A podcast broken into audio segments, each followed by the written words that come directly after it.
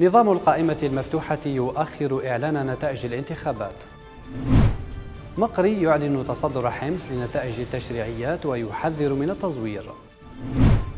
وزارة الاتصال تسحب الاعتماد من قناة فرانس 24 بالجزائر. تراجع طفيف في إصابات فيروس كورونا.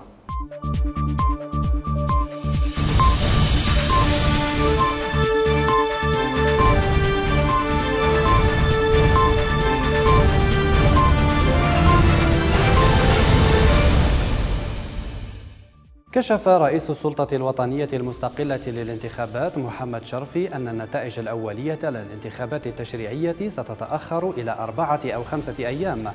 مرجعا ذلك لنظام القائمة المفتوحة الذي جاء به قانون الانتخابات الجديد.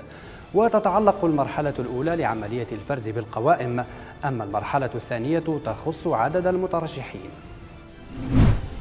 قال رئيس حركة مجتمع السلم عبد الرزاق مقري إن حزبه تصدر نتائج الانتخابات التشريعية في أغلب ولايات الوطن وفي الجالية.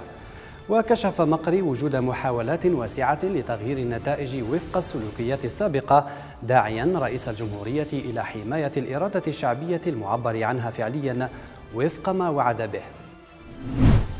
قررت وزارة الاتصال اليوم الأحد سحب الاعتماد من ممثلي القناة التلفزيونية الفرنسية فرانس 24 بالجزائر. وأرجعت الوزارة قرارها إلى عداء القناة المتكرر للدولة الجزائرية ومؤسساتها. وعدم احترام قواعد آداب المهنة والتضليل والتلاعب فضلا عن العدوانية المؤكدة تجاه الجزائر.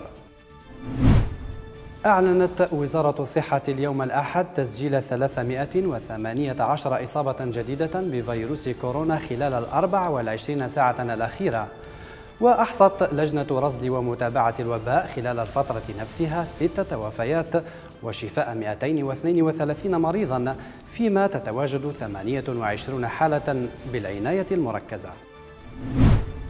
نهاية النشرة مزيدا من التفاصيل تابعوها عبر منصاتنا على مواقع التواصل الاجتماعي.